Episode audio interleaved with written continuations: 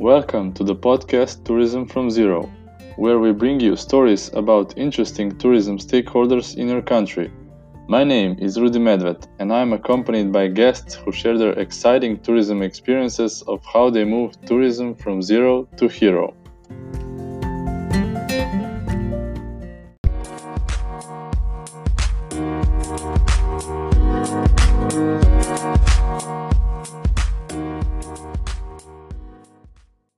Okay, hello everyone. Uh, welcome to another Tourism from Zero podcast episode, but this one is a little bit special as we have uh, with us Miha Bratec, uh, professor from the Faculty of Tourism Studies, Turistica from Portorož, and Florian Zach, our special guest for today.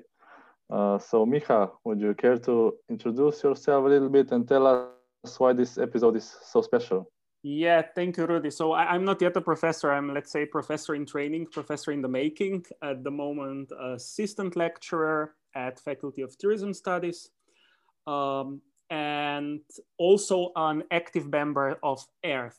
AIRTH is the alliance of innovators, uh, researchers, and innovators in tourism and hospitality.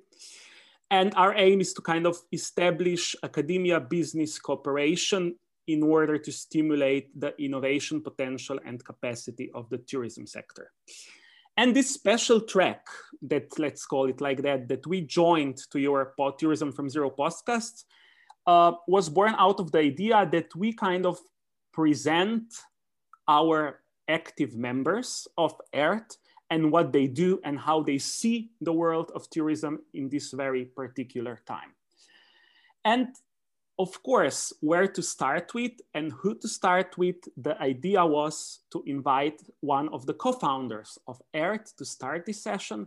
And that's why I'm very happy that Florian, Florian Zach from Virginia Tech University from the United States is today with us and will share us his, let's say, the beginnings of AIRTH, the mission, the vision, and his current outlook on his life as a global nomad, as an academic, as tourism innovator, uh, and as a person who lives at the same time in at least two continents. So we, we, we will have quite a lot of like interesting stories and challenging issues uh, to cover today. Um, you also asked me to present myself. No, I started with what I do.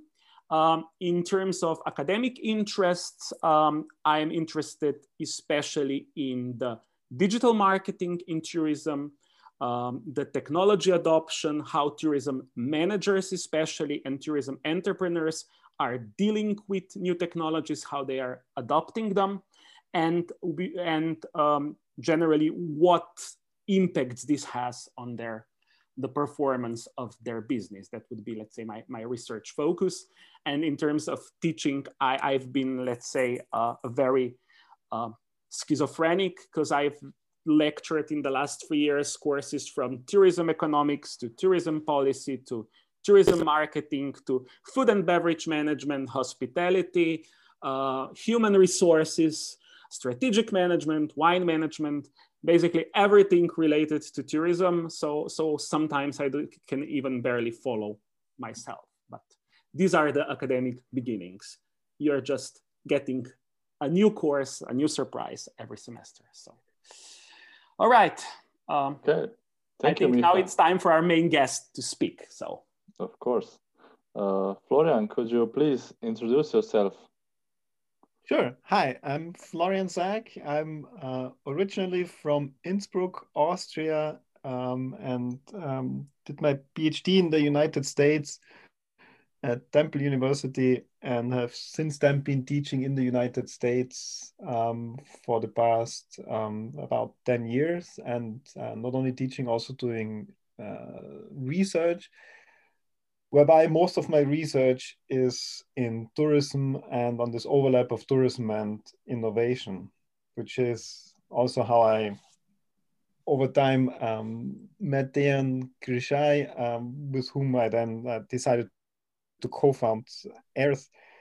Um, at the moment, I'm an assistant professor at Virginia Tech. That's a, a major land grant university in on the East Coast in the Commonwealth of Virginia. We have about, I believe, um, 36, 37,000 students. Um, the university is located in a small town called Blacksburg, Virginia, about four hours southeast of Washington, D.C., in very nicely located in the Appalachian Mountains. And um, it's a very nice place to be. And I'm uh, quite happy to be there with uh, several colleagues um, like in terms of tourism research, also hospitality research, but I also have access um, to colleagues from other colleges, from economics and also from computer science, which works very well with my research interest, which often goes over into um, into new technologies, especially the internet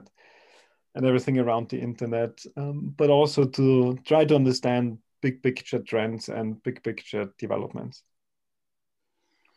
All right, Florian. So in terms of research we've covered, uh, what is your, let's say, personal relationship with tourism? Because uh, I know that you, you are not the first uh, person in your family that's dealing with tourism somehow, no? But the first one that's dealing with it in, in academic way. That's true. Um, so um, my family, and it's now my sister that's doing that, is running a hotel in Innsbruck and um, the hotel opened in the late 90s so it's a still a newer property let's call it. Um, so when i grew up there was no hotel and then my dad got into it as an extension of the butcher shop he was running. Um, so that's somehow oftentimes in europe i think a very natural progression um, to go from one business especially if it's food related over to the next one. Mm-hmm. Um, um, especially I think because you see opportunities to reuse some of the same skills and assets that you already have available. In, in this case, it was a lot of um, you know huge kitchen equipment because the butcher shop also did a lot of uh, lunch meals uh, during lunchtime. Um, so yeah, I studied um, international economics in Innsbruck, and uh, in the la later I think in the last year of my studies uh, for my uh, master or magister, I had to choose um, a specialization, and uh, for that I chose tourism, uh, since a out of personal interest, but b also um, tourism is really, really important for Austria. It um, contributes with um, all. Uh, infused and indirect uh, spending, tourism makes up about 15% of the Austrian GDP. Um, and in my region, which is Tyrol, like an alpine region, tourism is particularly important, and um, like it's a very critical industry there, where a lot depends upon.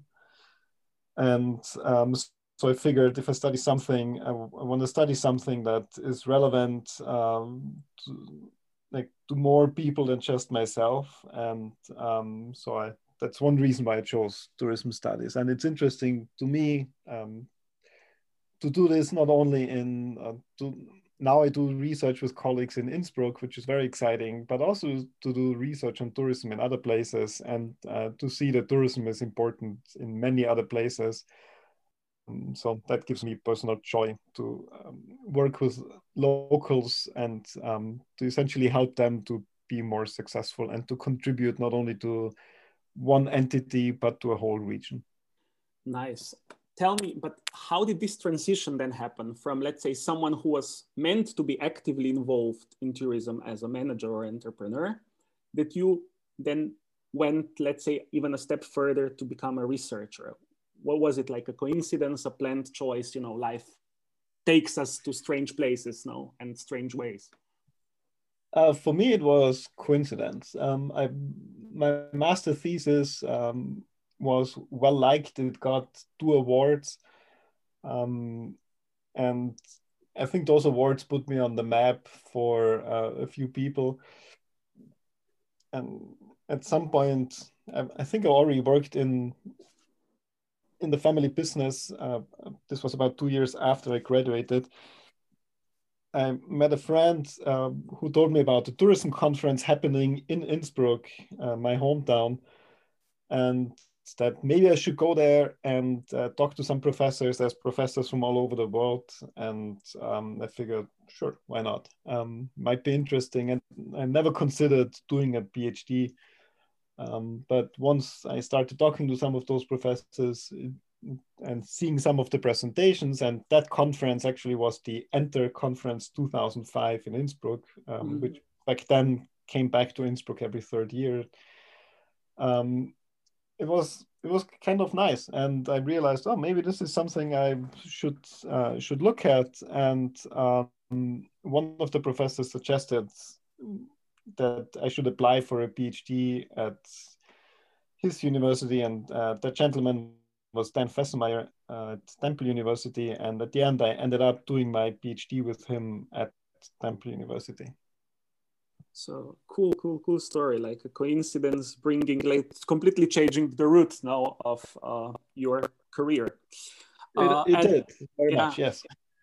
And Dan Fesenmaier is not just some professor. No, he's let, let's let, let, let's say it one of the gods or the godfathers of um, of tourism research, tourism and technology research. Yeah, that's that's um, that's quite accurate. Um, like I think back then when I was a PhD student with Dan, um, he always ranked among the top three top tourism researchers worldwide. And uh, working with him was quite exciting. We had a research lab. It was called the National Laboratory for Tourism and E-commerce. Um, I think we, we were um, maybe three, four professors or um, like from all different ranks, assistant, associate, and professor and um, maybe eight uh, PhD students that all work together on similar problems, similar challenges. And um, it was an exciting time. Um, we did many surveys. I believe we dis- like we distributed about half a million, wow, if not more, um, um surveys, um, like emails to participate in surveys every year. And uh, we got a lot done with many interactions with the tourism industry. And it was just a really nice time. And um, a phd in the us takes um, four years. That's about the standard. Um, now at some universities it even takes five years because uh, more courses are added for phd students mm. to take. Mm. Um, so this was a great time to learn and um, to get an understanding of the united states to get an understanding of tourism in the united states and uh, the whole culture and also um, to learn a lot about uh, tourism research. This was a lot of this was really cutting edge of what we did. Was it, let's say, a bit more practic, practice-oriented research that we know it in Europe? Because often, let's say, tourism research and practice don't really go hand in hand. No. And how was it for you to transition from very, let's say, entrepreneurial family mindset to let to these broad academic concepts and theories did it take like a lot of effort or a click just happened you know naturally for you um, no, for me this was um, challenging um, to not look at the world with uh, practical problems, but to um, try to look at the world through a very theoretical lens. Um, the goal was always to publish in um, really good academic journals. so what we did is like to to have a let's call it to have a foot in in practice to um, talk to practitioners and to understand what their challenges are and to derive um, research papers from that um, we did many consulting projects through the lab and uh, which provided us access to email addresses access to entrepreneurs and other people uh, involved in tourism um, but that was only like the, the first stepping stone essentially to then um, the, write academic papers. And the second stepping stone was, um, you know, interacting among the people in the lab, and also um, taking courses and learning about theories and identifying theories that are relevant and uh, let's call it useful uh, to understand different phenomena and uh, to take it from there. So the goal absolutely was to write papers for top journals, uh, write papers for uh, conferences, attend conferences, you know, present your ideas, uh, defend your ideas, and and exchange um, ideas with um, with other colleagues. Um, so this was yeah, going over from from a very practitioner side, especially after having worked for two years uh, in the industry, was it wasn't easy. It, it took a little bit uh, to get going, and um, but at the end, um, I guess I liked it so much that I figured I'm going to do this for uh, a long time going forward. For, for the rest of your life, let's let's hope, no, for a long yeah. and uh, successful academic life. No, and if if we that would be great. yeah, if if we if we pose this question a bit differently, do you see your practical experience as relevant for your research, or do you miss sometimes the practical side in tourism research?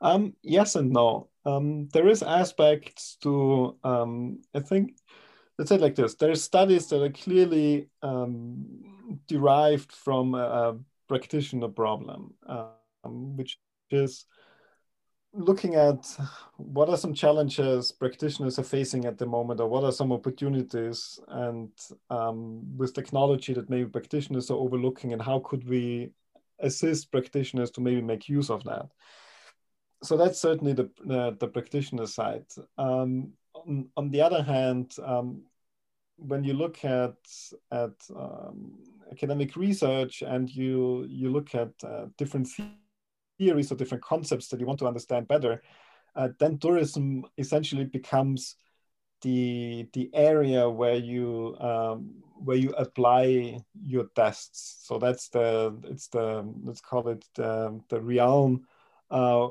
in within which you want to you you want to test your theories, and um, so sometimes it's good to um, be more practical, like to get ideas for papers. Um, other other times, it's good to stay away from practice and to uh, really only think about theories. Um, so it depends. Like so, this also means that some papers um, have more use for practitioners at the end in the conclusions, and other papers don't. Like other papers are really purely theoretical to move forward a theoretical idea, and maybe two, three papers later there are contributions mm. for practitioners. It's I I don't see it necessary that every academic paper has relevance or relevant contributions for practitioners right away. Okay, so if we go from this side, what is then the idea behind AIRTH? in your mind. So what should AIRTH stand for? What, what, what, what mission did you have in mind when you decided that you want to establish an association which would connect entrepreneurs and academics? So one thing that's uh, that universities oftentimes are not doing a really good job with is connecting practitioners with academics. And that's because they see the world so differently. Um, practitioners oftentimes want solutions right away, quick, and uh, oftentimes focus just um, on their own enterprise, which is understandable because that's what they care about the most. For uh, academics, the world uh, looks different. Um, it's um, like the let's call it the measures of success are not measured in in in how much money you make. It's not bonus payments um, the academic success is measured in how many papers you publish and in and in which journals you publish them. And the better the journal, um, the the most likely also we, we can assume that uh, the better your your research is.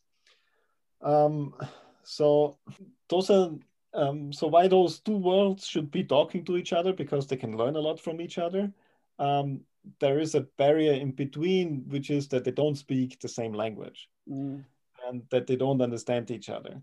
So um, that recognizing that this is relevant and um, also talking with um, uh, and, and Dan Križaj, the other co-founder, about this, we realized maybe there's an opportunity to create an association as a platform um, to connect those two sides, to bring academic research um, into uh, the world of the practitioners and to bring ideas from practitioners into academia.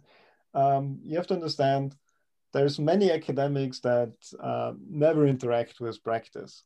And, um, you know, if you have people that, um, I don't know, did a bachelor's degree, then right afterwards did a master's degree, and then right afterwards did a PhD, um, the, your chance to interact with practice is um, maybe very limited. Of course. And uh, I'm not saying that that's a bad thing per se, mm-hmm. um, but um, in for tourism research, and if you look at the tourism and hospitality journals a huge requirement oftentimes is uh, what's the practical implications of the study? Yeah. And um, some journals that have, especially the Emerald journals that have a very structured abstract, um, practical implications are one of the, I, am not sure if it's one of the key requirements of the like must have requirements or if it's optional, uh, but it certainly is listed always there. And um, so it seems that for tourism research, having practical insights is relevant. Like it's something that also gives you, as, as an academic, gives you a leg up um, to better understand what's going on and to do research that's uh, more relevant both for practitioners and for academics. And so that's why we decided, uh, not decided, but that's why we figured it might be good to bring those two sides together and uh, and especially entrepreneurs or innovate and entrepreneurs and innovators that really want to push the boundaries in their field that they are more likely to look at academics or work with academics and like as maybe for inspiration for their business how to move the business forward to get access to research uh, resources that uh, they don't have access to themselves. And at the same time for academics it's getting access to practitioners that otherwise um, it's oftentimes very hard to um, to talk to them and to convince them to to, to um, that maybe spending an hour or two hours uh, on an interview or talking to them um, has actually benefits for society right as, as i mentioned as an entrepreneur you care about your own business more than you um, like the success and of your own business more than about um, like all of society, which is understandable, right? But um, so getting people to talk to you is hard. And I think bridging this, um, like there's an Austrian saying which says, um, um, by getting people together um, or by getting people to talk to each other, you get people together. And that was kind of the idea behind this. Okay, so basically we could also say it like it's a like positive PR for academics towards the business environment no that okay that there, there there's a benefit for them and there are people who are willing to listen to them and to talk to them in academia and that the academia needs their insights in order to kind of develop solutions um, not so much i don't so much. i don't no? I, I, don't see it as a as a as a pr stunt um, it's it's really and not just to have practitioners listen to, to, to one side. I think it's really about an exchange of ideas and to establish channels of communication.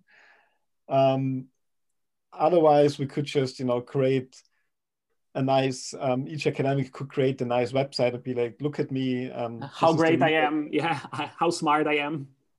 Yeah. And, and email me if you have any questions, right? Mm-hmm. Um, so um, we really believe that this is about an exchange and uh, people coming together and interacting. Otherwise, it's a, otherwise it's just one-way communication, and and that's not really useful. And um, so at the AIRTH conferences, um, we we try to to create this. Um, where we have um, practitioners participate in the conference, where we um, take the academics out on field trips uh, to, uh, to see uh, what's happening in, in practice and to stimulate an, an exchange like how like if any research afterwards is happening or if there is a continued exchange afterwards um, like to, to, some extent yes um, but um, of course it's up to each and each conference participant themselves then mm.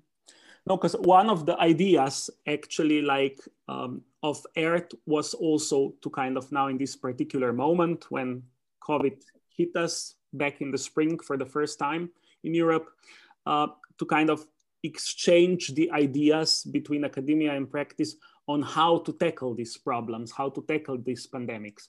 And part of this is the whole Tourism from Zero podcast that Rudy is conducted. No? And Rudy, what you are doing is also like talking one week to a practitioner, talking one week to academic, and then try to kind of analyze the insights they have, ones and the others, uh, on what, what's going on in the world at the moment. And wh where are you in these terms, Rudy? What, what would be the natural next question from you for Florian related to tourism, innovation, and the area of COVID? Mm -hmm. Yeah, uh, I think, yeah, first of all, it's very interesting to talk one week to a tourism academic, to a professor, let's say, and next week to a mountain biker, let's say, who has a private hotel and he's a entrepreneur and he has different problems and different views on tourism. And I think it's really interesting for me and for everyone to hear and to like compare those insights. Yeah, I think uh, that's a really good uh, comparison. Uh, so basically, my question would be: I'm interested in how um, is this problem, let's say, or this um, this communication between academics and uh, business owners, let's say, how is it perceived in uh, the United States, or how would you compare it uh, this relationship with the with Europe? Well, um, I think that that challenges of communication are um, like between academia and and uh, practice um, are quite universal. I think um, it a lot um, a lot really depends on the background on the research um, and I, like somebody in academia does um, how they can talk to to the industry and how well like the industry uh, can understand them in terms of um, technical terms and everything, um, but also how much the um, the industry actually cares about the problems. Um, if it's purely theoretical problems, then um, most likely practitioners will not really care about it, uh, regardless of where they're located uh, around the world. Um, if problems are tackled that are relevant for entrepreneurs or any kind of uh, tourism decision maker, um, then it becomes really interesting um, to, to have an exchange. What's nice in the United States is oftentimes that through um, through practitioners, you oftentimes get access um, to data sets or um, access to consumers, um, like um, let's say the a company already has a survey that they develop, that they are planning to send out, or they have a regular survey, and you can maybe add some of your own research questions and then follow up with a um, follow-up survey uh, specifically to those that um, answer those research questions in a certain way. Um, I'm not sure how that exactly works in um, in Europe. I have um, too little experience with that on on, on in, in Europe, essentially. I'm not sure if this is a good answer. well, well, there are no wrong and right answers, you know, and yeah, yeah. I, I would like to ask you then, what do you think about academics now all publishing on COVID? And it looks at the moment that there is nothing else going on in research, though this is not true, than COVID. Uh, and are there really any solutions that academics found out so far in terms of how to tackle COVID? Um, well, I think it's appropriate for um, researchers to look at the problem of COVID and uh, to try to understand what this means for tourism development. Um, I don't think that all research now is focusing on COVID, uh, but certainly a lot is. And um, it should not happen at the at the expense of other tourism research challenges um, that should be tackled, be it sustainable tourism, um, diversity in tourism, and so on. Um, of course, like some of those topics overlap with uh, COVID, especially if you think about um, sustainable tourism and the opportunities that um, like COVID provides now for this. Yeah. And not only in academic research, but maybe also to have um, the industry understand that um, like more sustainable sustainable efforts are uh, beneficial um, for mankind essentially what was the second question i'm sorry Uh, what was the second question? I also the second like, part kind of forgot. What do you think? Uh, yeah, in terms of um, innovation and COVID, or or like, uh, do you think that academics really figured out how to tackle COVID? That was one, and the other one would be: uh, Is it? Have you experienced it, or in your opinion, have you seen that COVID really like stimulated the innovation in the tourism sector? Um, in terms of um, academic research, um, I'm not too sure. I've seen a couple of studies um, that essentially investigate what the effect of COVID is. So trying to quantify the effect of COVID on the tourism sector. And uh, I think these are relevant studies. Um, they seem maybe at the on on on face value they maybe seem like well nice now we know what the impact is uh, but the, the real message is, is, oh, we see what the impact is. And essentially now we understand how important tourism is for the, the ecosystem of a certain region. And that's really important um, as tourism is often undervalued in terms of its contribution to an economy. Yeah. Um, now that we see that, um, like with um, like the lack of demand for uh, flights, uh, be because of uh, government uh, restrictions or because uh, people just don't want to fly. Um, we see what the consequences are, and uh, that, in, like for the airline sector with uh, layoffs uh, and maybe bankruptcies, we see it also for the lodging sector, we see it for the event sector, and it's not just jobs in those sectors directly, but it's also the the the next step of spending, like uh, be it hotels that delay renovation, uh, that mm. um, like don't need um, uh, repair work done anymore, and so on. So it cuts into the next uh, industries as well. Um, so from that point, I think um, this is academic research that's relevant. That um, like to to highlight the the value of tourism uh, for global economies. Um, we know that um, many trade associations and uh, UNWTO and WTTC um, that they always um, like promote how relevant tourism is. Um, now I think um, everybody realizes, and um, I think this is a so I think this is quite appropriate uh, to do this research in terms of um, innovation and um, what the industry is doing to respond to uh, COVID, I think there are some businesses that are quite creative and um, like how to leverage this. And for some, it might be easier than for others. Um, there is several hotels in that I know of in the United States, and I'm assuming also in Europe, um, that are now selling their rooms for uh, day use essentially. And yeah, yeah. for office work for people who don't have space at home, no, or exactly. Yeah. yeah. Exactly. And uh, to do something like this, I mean, this works in urban areas. If you are a hotel in the rural area, uh, I'm thinking of ski resorts in Austria now that are not really that are only partially opening opening up tomorrow. Yeah. But um, in Austria, ski resorts depend a lot on international travelers, which cannot really arrive in Austria at the moment. Um, so uh, hotels there are struggling. Um, there's there's no demand uh, for that product, and um, the, I think Austria has an, institutes another shutdown, like the third uh, on lockdown, the third lockdown tomorrow, at December. Uh, what is tomorrow? December twenty four um, until January 18. That's at least the plan at the moment. And in those lockdowns, hotels are closed.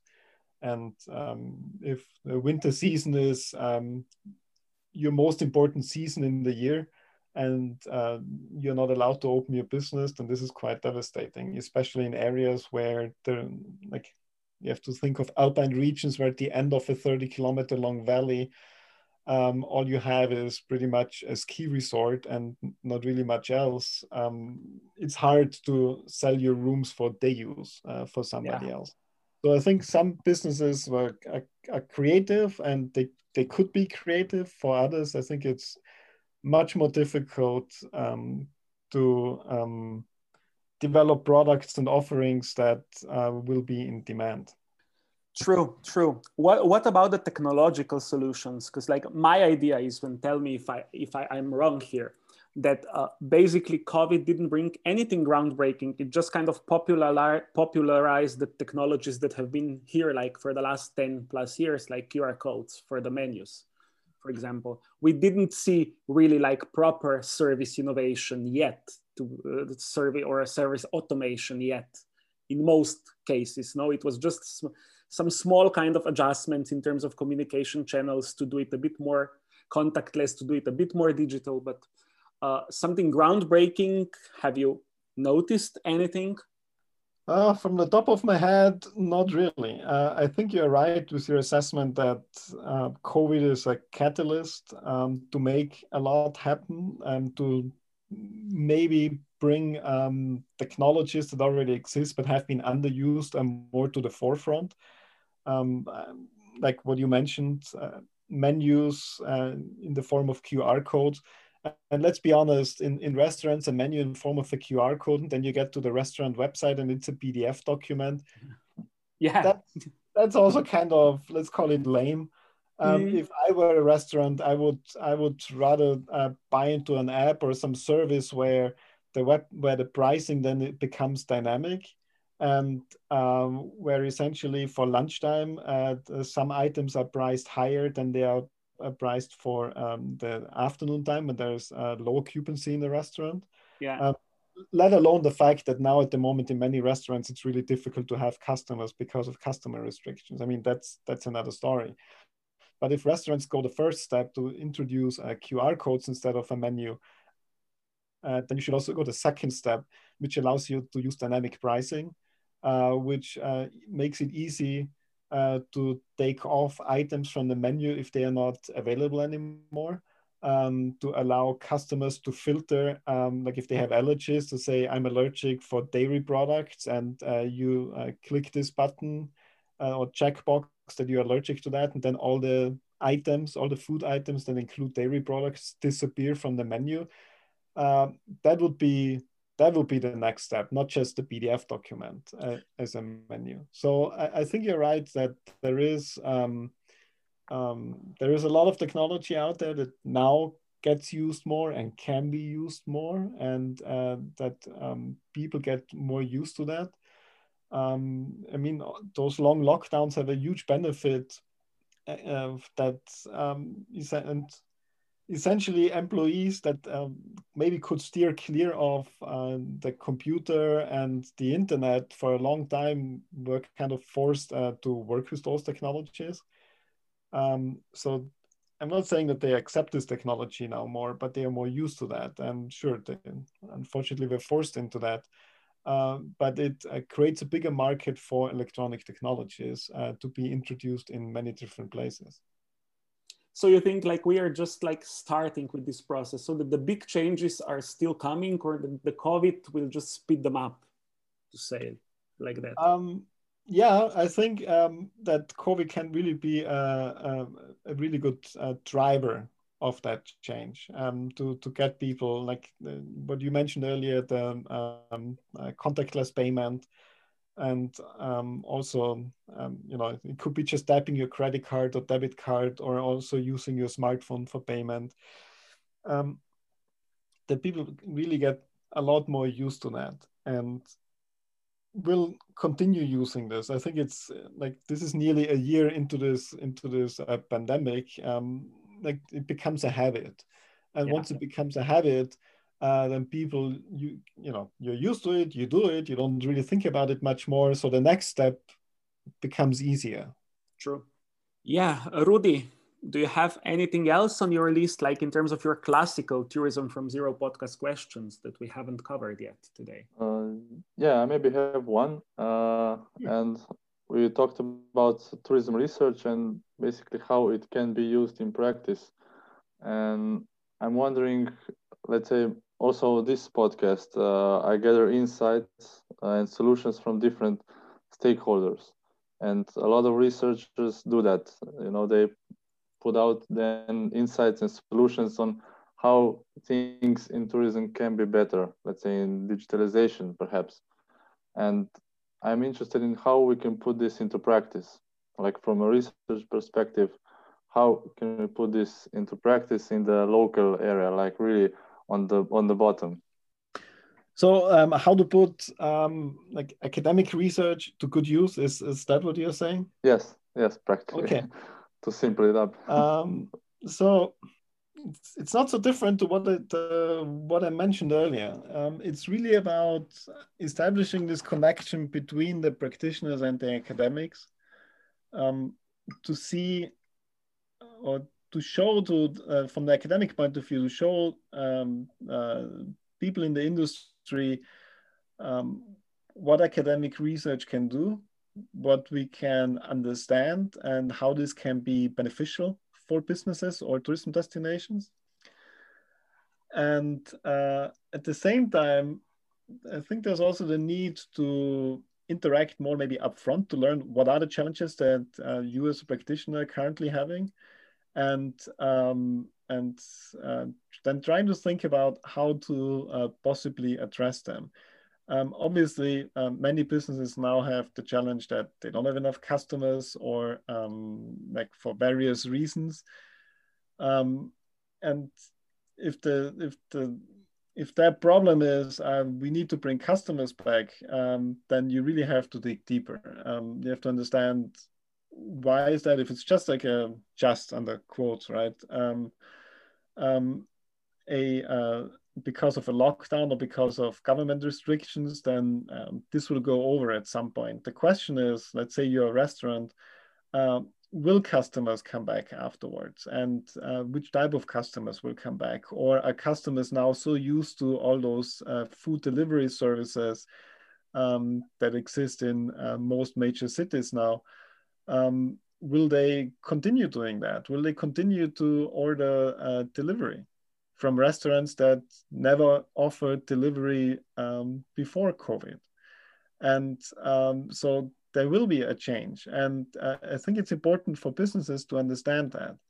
And um, that maybe going back to normal as it was before COVID is, I think that's really difficult. Um, a, because consumers change their behavior, uh, B, because um, um, there might be new regulations uh, that will require this change, and C, also because entrepreneurs will see that uh, it's really hard to go back, and maybe they see some benefit in the kind of the adaptations they made as well. So um, coming back, Rudy, to your question, um, I think it's really about this interaction and to um, have people talk to each other. And I think um, those podcasts that, that you're putting on, I think they're very relevant and very helpful um, like to bridge this gap and to um, you know show that um, we as academics are not um, totally um, out there and 100% uh, theoretical and that none of the work that we uh, produce is um, useful for practitioners. Um, there's many ways um, like to do this, and um, I think this podcast is one way, and um, the many of the efforts done by AIRTH are uh, one way to bridge this gap. I think it's really about getting people to talk to each other, to understand the challenges that they have, and um, and on the other hand, also to see um, how potential solutions to that are developed uh, could be useful to somebody. True. Yeah, so yeah, again, communication is important between those sides. Yeah, yeah, yeah. Uh, do you have some specific, let's say, research in mind for the next year in relation to all these things happening at the moment? What are your plans for next year? I'm doing a couple of studies on uh, ski resorts, and uh, so they are not. They started before COVID, uh, but of course, COVID is um, affecting uh, the trajectory of those studies, and um, like the relevancy of them. And um, I don't have um, a study per se that is only on um, only on COVID uh, directly. Um, I think it's like I think it's important to always um, look at uh, a connection between COVID and and something else. Um, so I don't have anything on in, in, my personal research pipeline that is, um, I would say, this is a project that is uh, really triggered by COVID. Mm. So you will kind of integrate it in the things that you already started developing.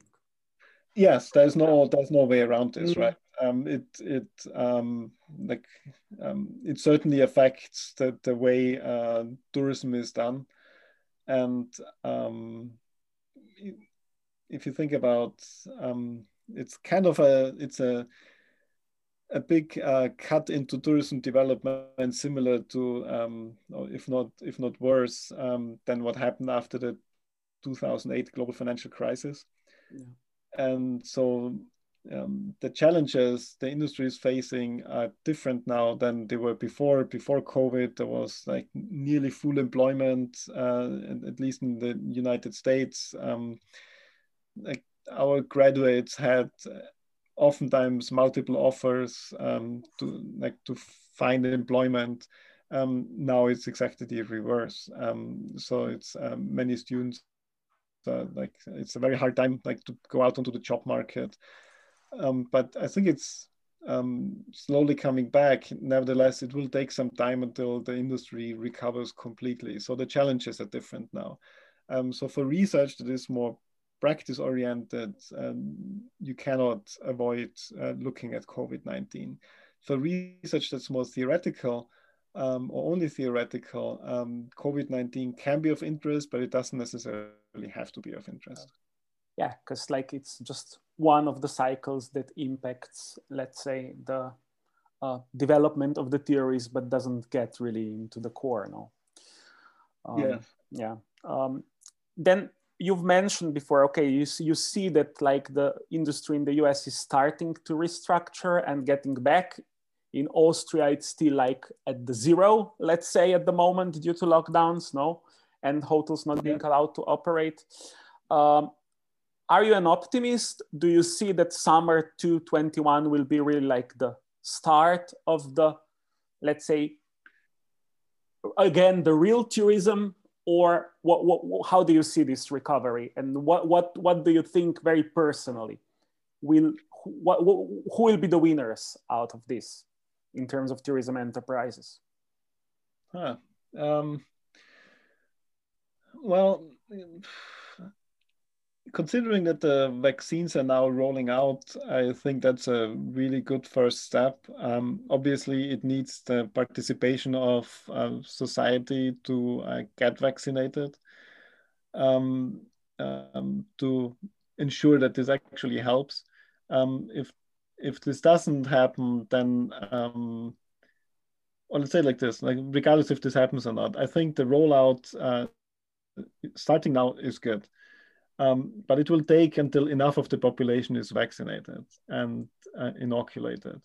So um, I, this summer, summer 2020, Europe uh, got lucky. Like the numbers of uh, COVID really went down. Um, in Austria, it seemed like um, this thing is beat and it doesn't really exist anymore, um, which maybe um, was well it made for a good summer or a, a better summer than expected.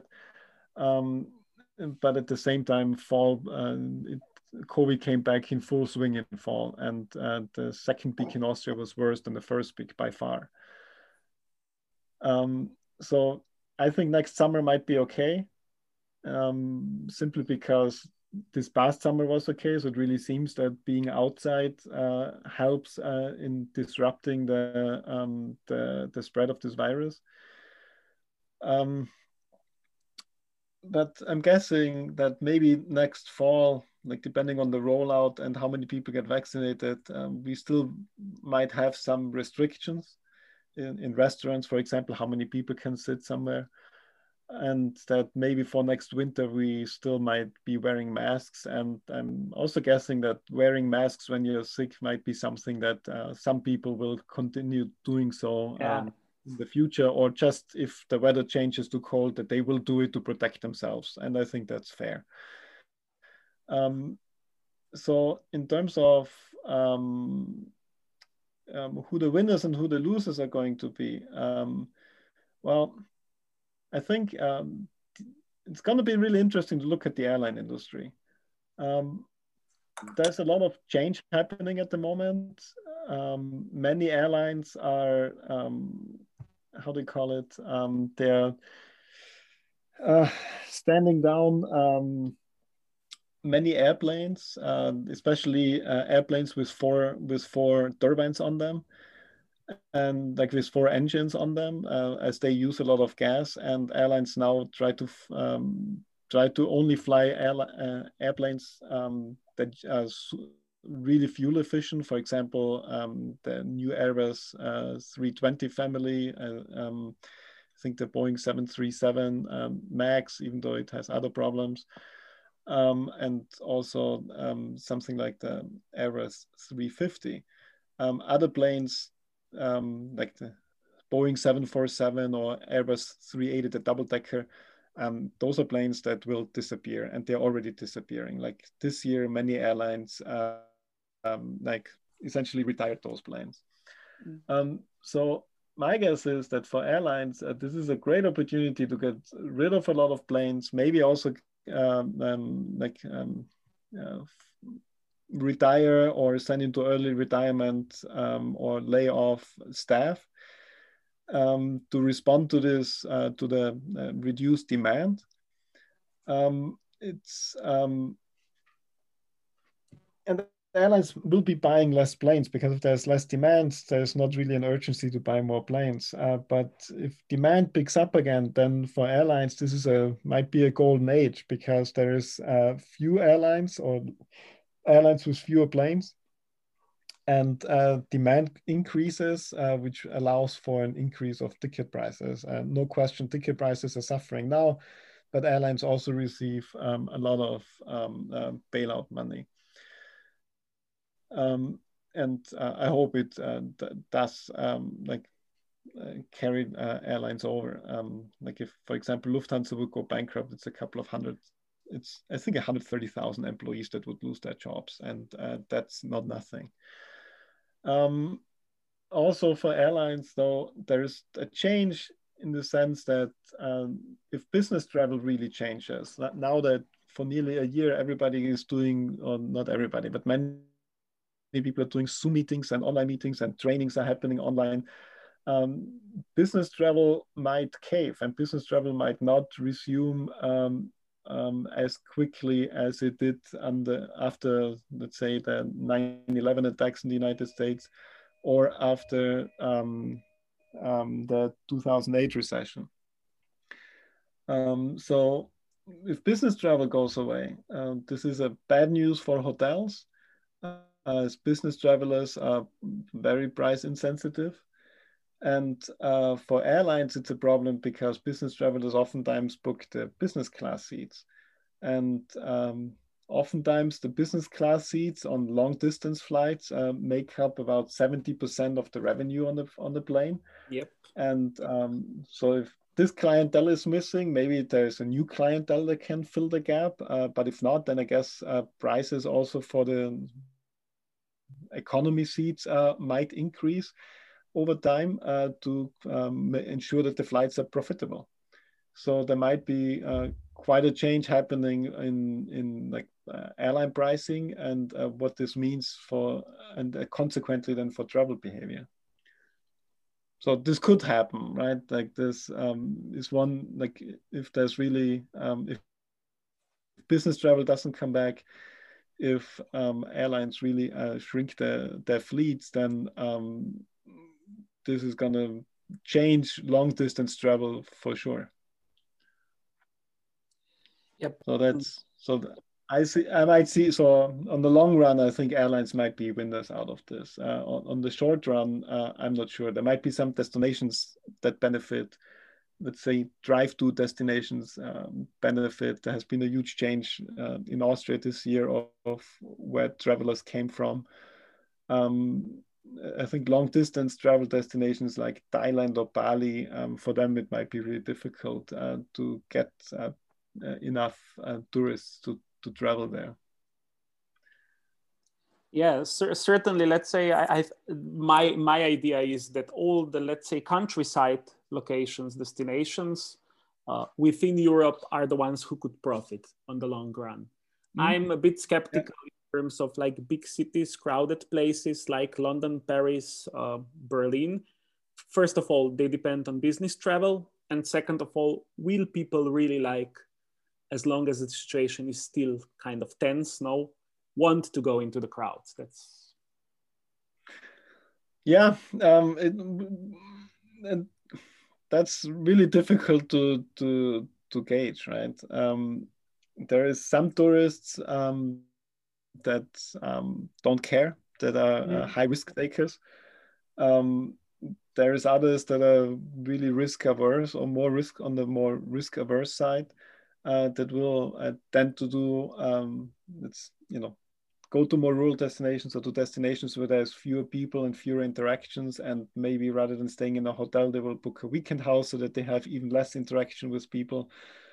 Um, that could certainly be um, a huge shift um, there seems to be some pent up demand for people to go and travel again, uh, but uh, I highly doubt that this is um, everybody um, that wants to go and uh, really travel now.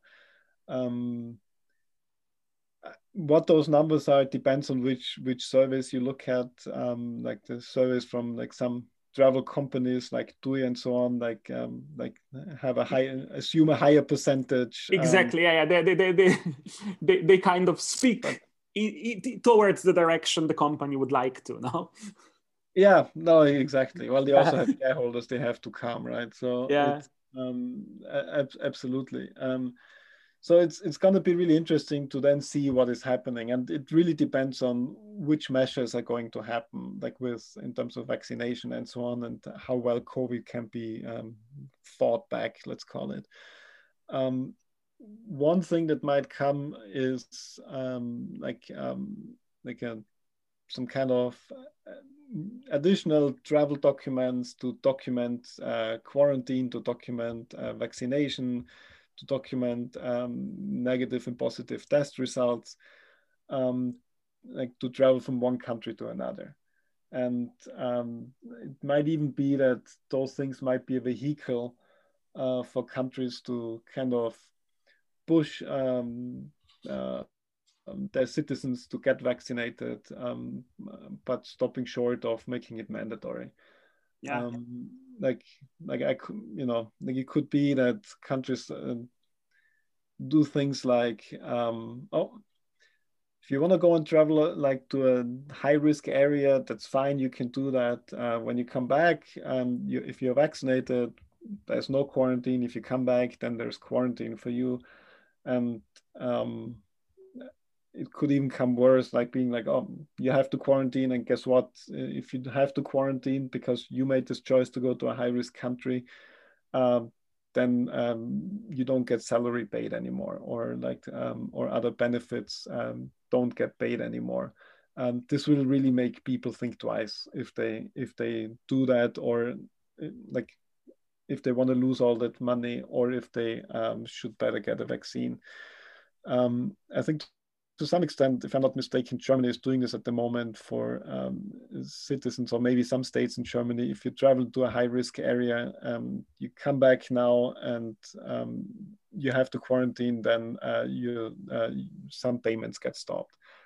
Um, so this really curbs travel then. And uh, so this is going to be very interesting to see how this plays out. This is um, like um, this willingness to get vaccinated and um, or if, is it coercion to get vaccinated? Like is it free will? Um, like that's a very philosophical question and um, it's uh, it's going to be interesting to see how this plays out in different countries. I think there's like different tendencies and different belief systems in in in various countries. So um, that's like from an academic point of view um, exciting uh, from a, uh, but in reality, it's quite scary. Yeah.